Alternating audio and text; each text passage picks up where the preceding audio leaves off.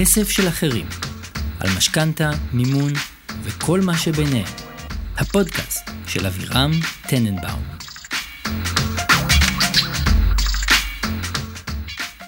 שלום, כאן אבירם טננבאום, מומחה למימון ומשכנתאות, בעלים של חברת פרדס ייעוץ פיננסי ומשכנתאות. איתי נמצא פה אורי רגב, אהלן אהלן, מה קורה?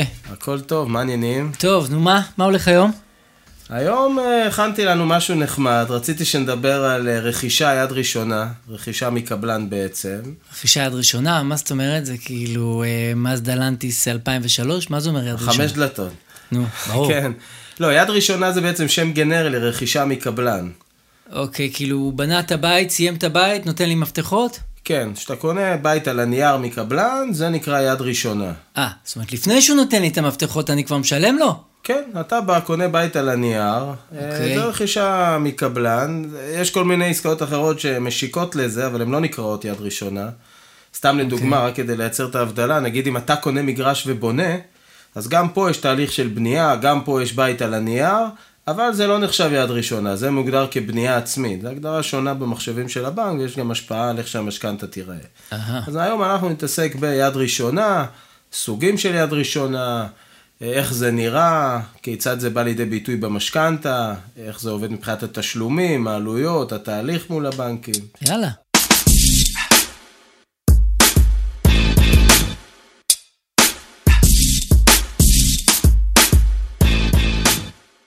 אז אה, הייתי רוצה קודם כל לחדד באמת מה זה רכישה יד ראשונה. אני אחזור על מה שאמרתי, רכישה מקבלן, קרקע על שם מישהו אחר, אתה קונה על הנייר, הוא אומר לך אחלה אחלה, יהיה לך בית עוד אה, שנה שנתיים, ואתה מתחיל להזרים לו כסף בקצב כזה או אחר, עד קבלת הבית. זה רכישה יד ראשונה. יש שני סוגים עיקריים של רכישה אה, מקבלן. רגע, רגע, אני חייב לעצור אותך ולשאול אותך פה משהו שהיה לי ממש קשה שאמרת. אני נותן לו כסף לפני שהבית מסיים להיות מוכן? כן, כן. תחשוב, אוקיי. אתה הולך עכשיו לנגר, מזמין ארון, נותן לו מקדמה או לא? נו בסדר, אבל אני נותן 3,000 שקל אז אם פה הוא... אתה נותן 300, נו, 400, 700, מה קורה אם הוא מיליון, לוקח את 400? ה-700, מיליון 400 וחותך? כאילו, מי אני יודע מי זה הקבלן הזה? או, פה אתה מתפרץ לדלת פתוחה. כי שעוד לא נבנתה. שעוד לא נבנה, דלת על הנייר. כן, אתה מתפרץ בדיוק. לדלת על הנייר, אבל עם ערבות בנקאית, עכשיו תבין למה. אוקיי. פרויקט עם ליווי בנקאי זה בעצם פרויקט שהקבלן פנה לאחד מהבנקים במשק, או לחברת ביטוח, או אפילו גופים פרטיים שיודעים לתת ליווי בנקאי, אוקיי. ואמר להם, חברים, אני רוצה לעשות פרויקט מלווה, ואני צריך שתשבו על השיבר. בעצם מה שקורה זה שפותחים חשבון בנק, ספציפי לפרויקט הזה, לא אותו חשבון בנק שהקבלן מנהל דרכו את העניינים העסקיים שלו. אוקיי, כבר טוב. הבנק יושב שם כשומר הסף, וכל הכספים של הרוכשים נכנסים ישירות לחשבון הזה. ובעצם הבנק, שהוא השיבר, משחרר לקבלן את הכסף לפי הצרכים, לפי חשבוניות, לפי דין וחשבון שהקבלן נותן לו חודש בחודשו. אז יותר טוב לי, זה פחות טוב לקבלן.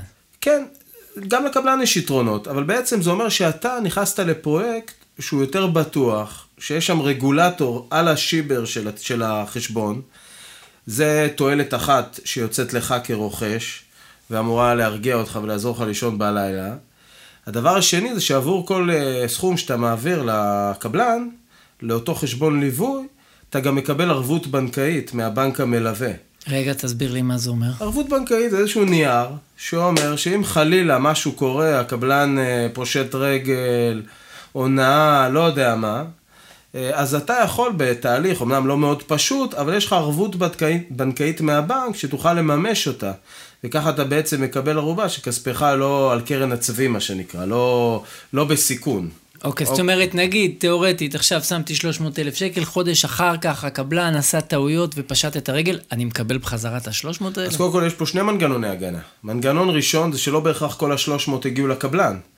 חלק גדול מזה חונה בחשבון ליווי, ויכול להיות שהוא הפרישו לו רק 50 בינתיים. אה, אוקיי. זה אחד. אז הוא לא לקח את הכסף, אתה יודע, הרבה חברות לא קשורות לעולם המשכנתאות, חברות לפני פשיטת רגל לפעמים, אתה יודע, אוספים מפה ומשם, מה שנקרא. כן. אז לא בטוח שבכלל הכסף הגיע אליו, זה דבר ראשון. דבר שני, יש לך ערבות בנקאית על הסכום ששילמת, ובתהליך שכן יכלול בירוקרטיה וכאבי ראש, זה לא יהיה כיף, זה לא יהיה נחמד, לא עושים בשביל הפאן, אבל אתה כן תוכל לראות את כספך והוא לא ירד לטמיון. אוקיי, אוקיי. זה חשוב, כי אתה יודע, הבן חשוב. אדם ילך ולך תחפש את הבן אדם. סופר חשוב, סופר קריטי. כבר בגלל- קרה לפני כמה זמן, לא? כן, האמת שזאת, זה היה, זה בעצם היה מה שהוביל למנגנון הזה של ליווי בנקאי. פעם זה לא היה ככה, פעם היה בא יזם, לוקח הלוואה מבנק או מביא הון עצמי, בונה בית, לוקח מאנשים כסף כאוות נפשו, ויכול להיות שהוא, אתה יודע, פתאום פושט רגל, או חלילה אה, בורח ונעלם, עם כל הכסף. והיה את המקרה המפורסם של, אה, של בועז יונה מחברת חפציבה, כן. שברח לחו"ל, חושב לאפריקה או משהו, לא זוכר לאן הוא נסע, ו- והפיל המון המון רוכשי דירות בפח, כי זו גם הייתה חברה גדולה, דובר שם על פרויקטים בהיקפים רציניים, וזה בעצם היה הטריגר שהביא ליצירה של המנגנון הזה, של הר- ליווי בנקאי. של ליווי בנקאי, זה נקרא ערבות חוק מכר. כאילו זה הטייטל של זה. אה, אז ו- כשמישהו מציע לי פרויקט בערבות חוק מכר, הוא לא בעצם מקלל אותי. הוא לא מקלל אותך, אפילו מברך אותך. הופה, בא לקלל, יצא מברך. כבר היה שווה לי הפרק הזה. כן, יצאת עם ברכה.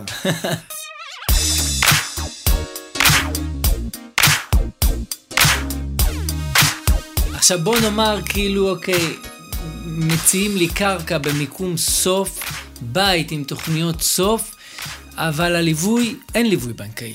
זה משהו שכאילו אתה ממליץ לא להכניס בכלל את הרגל, או שיש כזה אפשרות לקחת כזה פרויקט. לא, קודם כל לא פוסל. שום דבר אני לא פוסל על הסף. תמיד שווה לבדוק ולשמוע. עכשיו אתה בעצם מביא אותי למה זה הסוג השני של פרויקטים בלי ליווי. רק אני אתקן אותך בקטנה, לא מציעים לך קרקע, מציעים לך בית. לא. כשאתה קונה בית מקבלן, אין לך נגיעה בקרקע, אתה בסוף אה, אני רואה מתכוון בית. במיקום. המיקום אש. אתה מבין? אין, אתה אומר, את, הב... יש את המיקום הגולש. הזה אני חייב לגור חייב פה, לגור או, או פה. להשקיע, אתה יודע, מיקום ששווה להשקיע בו. לגמרי. אבל אין ליווי. אין ליווי. בדרך כלל מי שיעשה ליווי זה אחד מהשניים. או קבלן שבונה משהו יותר קטן, והוא יכול לממן אותו מהון עצמי. בדרך כלל זה יהיה נגיד אם יש איזה מגרש, שפתאום בונים עליו איזה 4-5 קומות כזה בתוך שכונה קיימת, לא אזור של מגדלים, אז הרבה פעמים הפרויקטים האלה יותר בוטיקים, אה, הם אה, ללא ליווי, קבלנים יותר קטנים. אוקיי. או בדיוק בצד השני של הסקאלה, חברה מפלצתית עם ים מזומן, וכוח כל גינדי. כך חזק, ב... כן, גינדי, שיכון ובינוי, כאילו חברות ממש גדולות, אה, עם, אה, שזה גם מבחינת ההון העצמי יכולה להרשות לעצמה את זה, וגם מבחינה שיווקית, יש לה מספיק כוח ומוניטין מספיק חזק כדי למסמס את החשש הטבעי הזה מפרויקטים ללא ליווי. אז בדרך כלל זה יהיה אחד מהשניים, אבל בדרך כלל זה דווקא הפרויקטים היותר קטנים. ללא ליווי יש פה חששות, כי שם באמת יש לך חשיפה לקבלן. ו... וצריך לעשות בדיקות טובות, לבדוק את המוניטין שלו, ומי הוא, ומה הוא בנה, ובאיזה שלב הבנייה נמצאת עכשיו. מן הסתם ככל שהבנייה בשלב יותר מתקדם, זה שם אותך במקום יותר בטוח. כן. אה, אגב, בדרך כלל זה גם מתומחר יותר זול. זאת אומרת, יש הנחה מובנית על פרויקטים שהם ללא ליווי. אה, אה, אז- בגלל שהוא ללא ליווי. כן, בגלל. שהוא ללא ליווי. אז יש איזה מין הנחה על המחיר שוק, בדרך כלל זה עסקאות שהן יותר אטרקטיביות. ואתה משלם על זה אולי בריביות משכנתה יותר גבוהות, עוד מעט נגיע לזה. אמ, אגב, כשלוקחים משכנתה, פה אני קצת מקדים את המאוחר, כשלוקחים משכנתה על פרויקט ללא ליווי, גם הבנק הולך ועושה בדיקות משמעותיות על הפרויקט, כדי לדעת שהוא אכן רוצה לתת כסף למי שלוקח את הסיכון הזה. כן. ואם היזם יהיה יזם עם אה, מוניטין לא טוב, ובלי ניסיון, ובלי פרויקטים מוצלחים שהבנק יכול לשאוב מהם ביטחון, יכול להיות שיחליטו לא לתת לך משכנתה על הסיפור הזה. כן, זה אפילו לא בריביות גבוהות, אלא פשוט לא. כן, יגידו, וואלה, לא מכיר את היזם, לא יודע מי הוא, לא ראיתי פרויקטים שהוא עשה, שלא יתגלח עליי, אני לא רוצה לתת שם כסף. אתה יודע מתי אני אתן כסף? שהוא יהיה לקראת סיום הבנייה, אה, חודשיים מטופס 4, אז אני ארגיש נוח לתת לך כסף. כרגע שהכל על הנייר, או שהוא בקושי סיים אה, לבנות את הלובי, אני לא רוצה להיכנס לשם. אז בפרויקטים כאלה אני חייב להביא את ה down payment בעצמי, ולעשות את הבדיקות בעצמי, ולהתפלל כל בוקר. כן, להתפלל כל בוקר זה מומלץ, בלי קשר. את ה down payment, תראה, גם בפרויקטים ליווי, את ה down payment, את ההון העצמי המסוים תמיד צריך לשים, אבל כן, זה פרויקט שמגלם יותר סיכון, וכמו כל דבר שקשור לכספים, סיכוי וסיכון זה שני צדדים של אותו מטבע. אתה רוצה ליהנות מפרויקט מעניין, במחיר אה, מוזל ביחס למה שקורה בשוק, אז אתה הולך לפרויקט שהוא יותר קשה מבחינת המשכנתה ומגלם סיכון יותר גבוה, שהוא ללא ליווי בנקאי.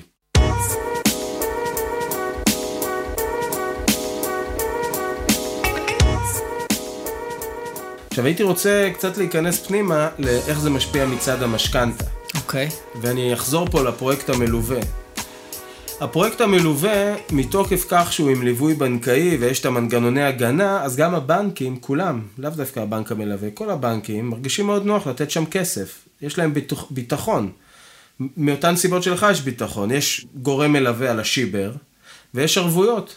עבור הכסף שהבנק נותן, במשכנתה, לטובת הרכישה, גם מתקבלת ערבות. והערבות הזאת מוסבת לטובת הבנק. הופה, הופה, הופה. זה כבר היה לי מורכב ומסואב מההתחלה. אני אפשט. כן. אתה משלם כסף לקבלן בפרויקט מלווה, קיבלת ערבות. כן, אהלן אהלן, יאללה. תענוג. הבנק עכשיו משלם בשבילך מתוך המשכנתה כסף לקבלן, נכון. גם מקבל ערבות. אהה. ערבות כפולה. לא, עבור כל כסף שעובר מתקבלת ערבות. אם כן. אתה נתת את הכסף, אתה מקבל את הערבות. אם הבנק נתן את הכסף, הוא מקבל את הערבות. אוקיי. מי שנתן את הכסף, מקבל ערבות. אז קודם כל הם מרגישים נוח. יש להם את הערבות, יש להם את את הידיעה שזה פרויקט מלווה. ואז זה גם מאפשר המון גמישות. אוקיי, אפשר לשחק עם הלוח תשלומים איך שרוצים. אין להם, אין להם בעיה שתשלם הכל מראש. אתה רוצה תשלם הכל מראש, לא יודע מה, כדי לחסוך אה, הצמדה לתשומות הבנייה. טיזר זה אחד מהמושגים שלנו בסוף הפרק. הופה.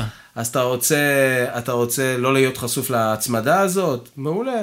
אתה רוצה להתחיל לשלם את המשכנתה מעכשיו, כי ככל שאתה מתחיל יותר מוקדם, אתה מסיים יותר מוקדם, אתה רוצה לקבע ריביות, מה שזה לא יהיה, אין בעיה, קח, תמשוך את כל הכסף עכשיו, הבנק מרגיש בטוח, גם ככה זה יישב בחשבון ליווי, אף אחד לא יברח עם זה לחו"ל, אז מבחינת התשלומים זה מאפשר המון גמישות. מבחינת היכולת שלך להשיג אישורים ומהר, זה גם מאפשר גמישות, כי זה פרויקט עם ליווי, הרבה יותר קל לאישור מבחינת המשכנתה. אוקיי, איך זה בריביות? איך זה בכסף? זה נחשב תיק פשוט, תיק פשוט שמתומחר בזול.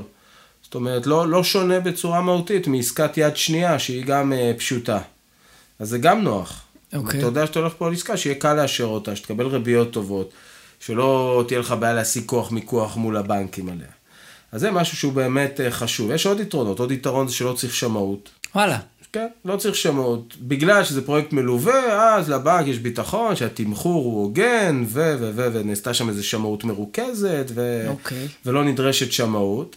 אה, אז גם הפרוצדורה יותר פשוטה. הפרוצדורה יותר פשוטה. אגב, שמאות זה לא כסף גדול, אבל כשאתה נמצא בתהליכים של קניית בית ורק שותים ממך כסף מכל הכיוונים, כן. גם לחסוך 600 שקל או 800 שקל או 1,000 שקל ועוד התרוצצות, עזוב את זה, זה גם הזמן, הטלפונים, התיאום, הבן כן. אדם הגיע, הוא לא הגיע, כמה הוא נתן. נכון, זה נעים ונחמד, גם החיסכון, גם החיסכון בזמן ובטרחה, זה, זה אחלה.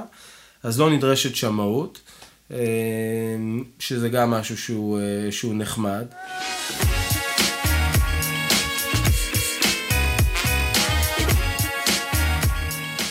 עכשיו, בהקשר של המשכנתה, אני רוצה שנחזור לפרויקט ללא ליווי, אה, כי שם יש מורכבויות. א', כמו שציינתי מקודם, יש קושי להוציא, להוציא אישור. עכשיו, כיצד בעצם מתגוננים מהסיכון שיש בפרויקט כזה? כן. אז דרך אחת, דרך אחת אה, אה, שהיא, שהיא מובנית בחוק, זה שחרור כספים לפי התקדמות הבנייה. בעצם בגלל שאותו יזם יכול אה, לפשוט רגל או לקום וללכת בכל רגע נתון, אז לפי החוק, וזה לא משהו שנתון למשא ומתן בשום צורה, את הכספים הוא יכול לקבל רק בהתוויה מאוד ברורה לפי התקדמות הבנייה. זאת אומרת, גם אם אני מאוד רוצה לשים לו את הכל מראש, אני לא יכול. סיים שלב, סיים קומה מסוימת, תקבל את המנה. הבנתי. סיימת עוד איזה שלב בבנייה, תקבל עוד מנה. וככה בעצם מזרימים את הכסף בהדרגה וחוש... ונחשפים בהדרגה, וכל פעם בעצם אתה יודע שהכסף ששילמת שימש להשלמת נדבך נוסף בבנייה וכן הלאה. כן. אז זה מנגנון אחד, שחרור אה, כספים אה, לפי התקדמות הבנייה, שיש לזה גם את החסרונות, עוד מעט נגיע לכל מה שקשור למבנה התשלומים בעסקאות יד ראשונה, ונבין למה זה, זה דווקא יכול להיות חיסרון די משמעותי לעומת פרויקטים ליווי. אז זה דבר אחד. דבר שני, זה כן שולחים שמאי, לתקף את המספרים. השמאי גם יתקף את השלבי בנייה השונים, שעל, פי ושוח... שעל פיהם ישוחרר הכסף. אה, אה, כמו שאתה מבין, כן, יש פה זה יותר מורכב. יותר מורכב, יותר העמקה. אלה ההבדלים העיקריים בין הפרויקטים. אגב, אני, שוב, שלא ישתמע, פרויקט בלי ליווי יכול להיות על הכיפאק, לפעמים זאת עסקה הרבה יותר אטרקטיבית ומתחת למחיר שוק, ולא הייתי פוסל את זה קטגורית, ממש לא הייתי פוסל את זה קטגורית. הבנתי, אבל uh, לבדוק טוב טוב. כן. עכשיו, משהו שחשוב להכיר בפרויקטים של יד ראשונה זה כל נושא התשלומים. כי מה קורה בעצם? אתה היום הולך, קונה בית על הנייר, תקבל אותו עוד שנתיים, ואתה צריך לגור איפשהו בינתיים. אז או שאתה גר בשכירות, או שיש לך בית בבעלותך עם משכנתה, זה רוב האנשים. יש את הברי מזל שגרים בבית בלי משכנתה, או אצל ההורים, או משהו כזה. ארבעה אנשים פחות או יותר. ארבעה אנשים, אז אנחנו לא אותם ארבעה אנשים. ו... ויבוא אותו אדם ויגיד בצדק, הלו, כבד עליי, עכשיו אני אתחיל לשלם משכנתה, ויש לי את התשלומים הנוכחיים על הדיור שאני צריך לגור בו בשנתיים הקרובות. כן. לא מתאים. איך אני יכול כאילו לסדר את התשלומים שיהיו לי נוחים? אז יש כמה דרכים. דרך אחת זה בלוח תשלומים עם הקבלן. אתה יכול לסגור איתו איזה דיל, אתה נותן לו 20-30 אחוז בהתחלה ואת היתר בסוף. היתרון פה הוא מאוד ברור. אתה שם את ההון העצמי, כן. מתמודד עם המשכנתה בסוף, אין לך יום של כפילות בין משכנתה לשכירות והכל פנאן. מה החיסרון? שאתה זורק את עצמך שנתיים קדימה, או שנה קדימה, או כמה זמן שזה לא יהיה, וזה משאיר אותך במקום של חוסר ודאות. איזה חוסר ודאות? מה תהיה התעסוקה שלי?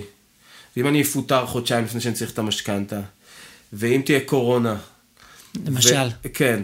ואם uh, הריביות פתאום יקפצו, היום הריביות נמוכות, מה, בא לי לקחת משכנתה בריביות רצפה, ואם עוד שנתיים אני אקח 2% מעל וזה יעלה לי נכון. 300 אלף שקל יותר על פני 20 שנה, לא חרם? חרם לגמרי. חרם. אז, אה, אז איך אני כאילו יכול ליהנות מכל העולמות? ויש עוד עניין של תשומות הבנייה, טינג, טינג. טיזר, סוף פרק. טיזר מספר 2. כן. מתי נגיע אליו כבר? עוד מעט, עוד מעט, אנחנו מתקרבים, אנחנו עוטוטו שם. אז, אה, אז הנושא של התשלומים הוא קריטי. אה, אם רוצים כן למשוך את הכסף במהלך הדרך, אז יש דרכים להתמודד עם זה. יש, אה, קודם כל צריך לזכור שהכסף לא חייב להשתחרר בבת אחת, הוא משתחרר בחלקים, אז כל פעם משחררים, אה, משלמים רק עבור מה שבוצע בפועל. זאת אומרת, אם אתה עכשיו סגרת עם הקבלן על איזה לוח תשלומים, שאתה אמר לו 300 אלף כל שלושה חודשים. אוקיי. Okay. אז שחררת 300 אלף, אתה מתחיל לשלם רק עבור אותם 300 אלף. אתה לא משלם עבור כל המשכנתה. כן. ואז ככל אבל... שאתה משלם לו עוד ועוד פעימות, אז ההחזר הולך וגדל. אבל זה לא שמהיום הראשון, הבנתי. אתה תחת העומס הזה של כל המשכנתה. זה דבר אחד שחשוב להבין. דבר שני, זה הנושא של גרייס. טינג, זה המושג השני שלנו להיום. הופה. חכו לסוף. יפה. כן. אמ, וזה בעצם עוד מנגנון שמאפשר לנו ליהנות מהחזר מופחת אה, בתקופה שהבית הוא על הנייר ויש לנו הוצאות אה, מקבילות. בפרויקטים אה, שהוא ללא ליווי בנקאי, שם בעצם אין לנו את הגמישות לבחור אה, לוח תשלומים כזה או אחר מול הקבלן, כי אנחנו מחויבים לפי חוק המכר להזרים לו לפי התקדמות הבנייה. כן. אה, על מנת למזער את הסיכון. כלומר, או... שם יש לי כפילויות של תשלומים, משכנתה במקביל לשכירות. שם היו לך כפילויות של תשלומים, משכנתה ושכירות. בינתיים לא מכרת לי את זה, הוא גם מסוכן, הוא גם אני משלם כפול, ואין לי את הליווי של הבנקאי שמחזיק אותי יד ביד. המיקום חייב להיות ממש טוב, אם זה כך. ואם זה 200 אלף מתחת למחיר שוק? שאלה. שאלה, אוי, עכשיו זה כבר התחיל לעניין אותך. עכשיו זה התחיל לעניין אותי. כן. כן, כשאתה מדבר איתי עם כסף, אני מבין.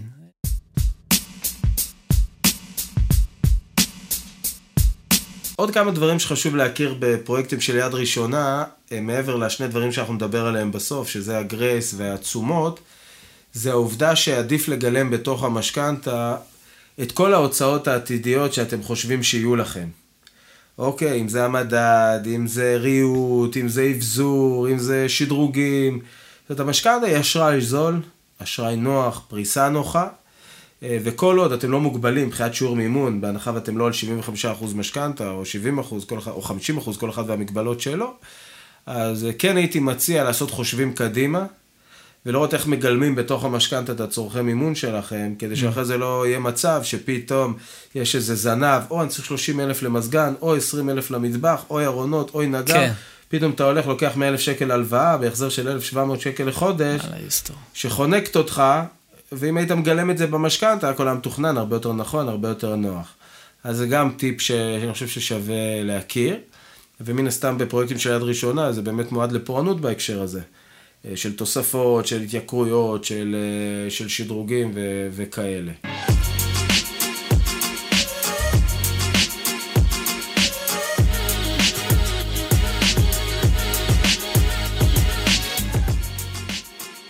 טוב, נראה לי ש... נראה לי שהגענו לרגע. הגענו לרגע, הגענו לא? לרגע, אני ממש חיכיתי לזה כבר כל הפרק.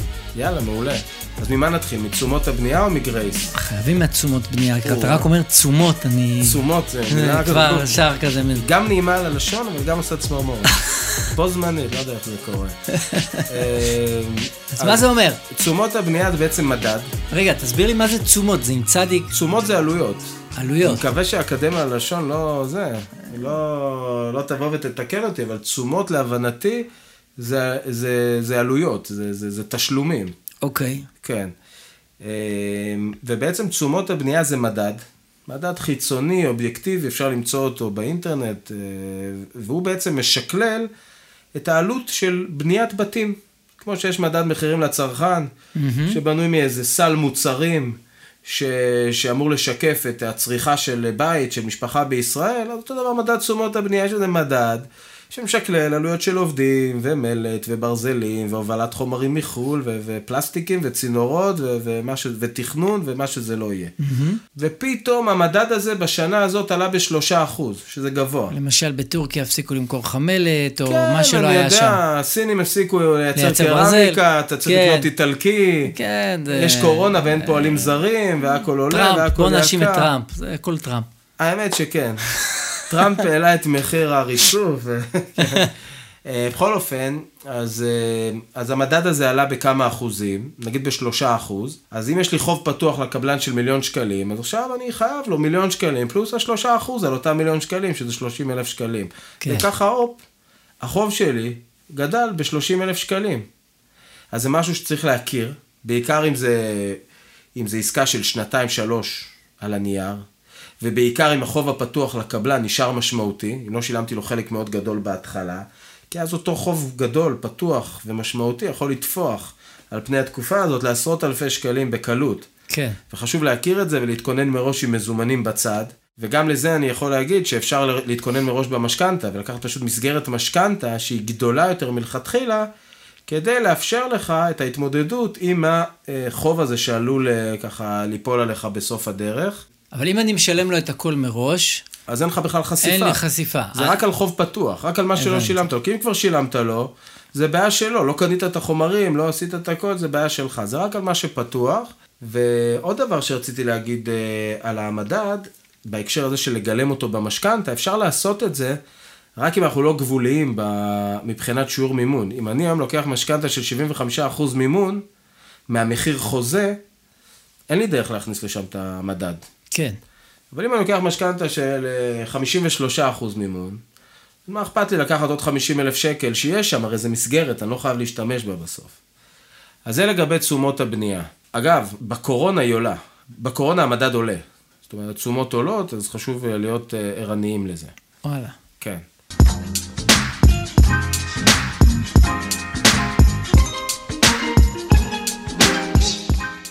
המושג השני, שהוא גם אה, סופר מעניין וסופר רלוונטי, לא רק לעסקאות של יד ראשונה, אלא בכלל לעסקאות, זה גרייס. גרייס זה מנגנון שבעצם אומר כזה דבר, אתה לוקח משכנתה, אני יודע, ל-10, 20, 30 שנה כפי שבחרת, לוח סילוקין מסוים, אבל יש תקופה מסוימת בהתחלה שזה כבד עליך.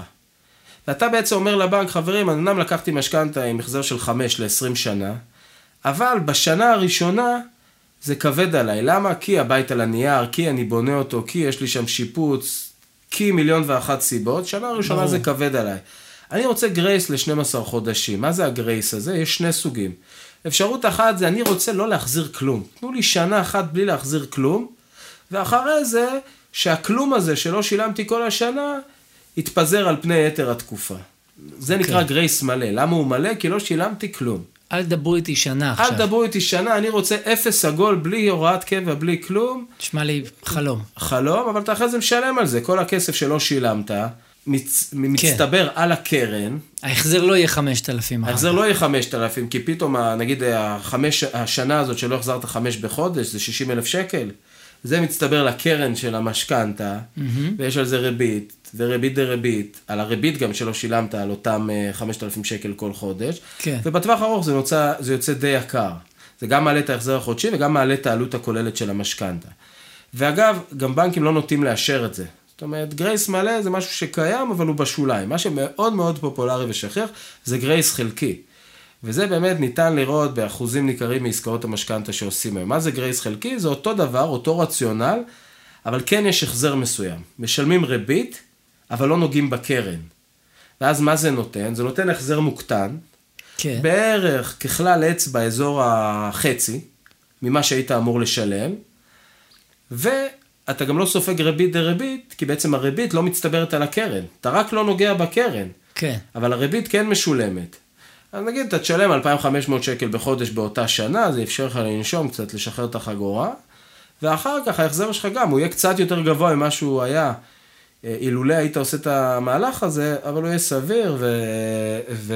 ולא מאוד יקר, וזה גם לא מעלה את העלות של המשכנתה בצורה ניכרת, וזה מנגנון שהוא מאוד בסיסי, שכיח, פוגשים אותו בהמון סוגי עסקאות, זה יכול להיות משלוש שנים לעסקאות שהן על הנייר הרבה זמן, ועד חודש-חודשיים למי שנכנס ורק רוצה להתאפס על עצמו עם איזה שיפוצון של, אה, של חודש, או, או עד שהוא אה, ככה מתאפס על עצמו מבחינת היכולת לשלם את המשכנתה.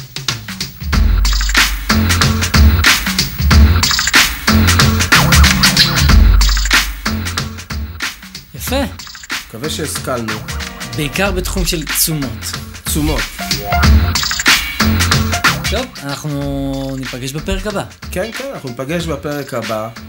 עכשיו אנחנו נדסקס על משהו שהוא לא מאוד רחוק מרכישה יד ראשונה. גם שם יש גרייס, אין תשומות, אבל יש גרייס, אם תרצה. אנחנו נדבר על בנייה עצמית. אהה, אוקיי, הפרק. הפרק, יפה. כן. אוקיי? אז שיהיה לנו אחלה יום, ותשומות. כסף של אחרים. על משכנתה, מימון וכל מה שביניהם. הפודקאסט של אבירם טננבאום.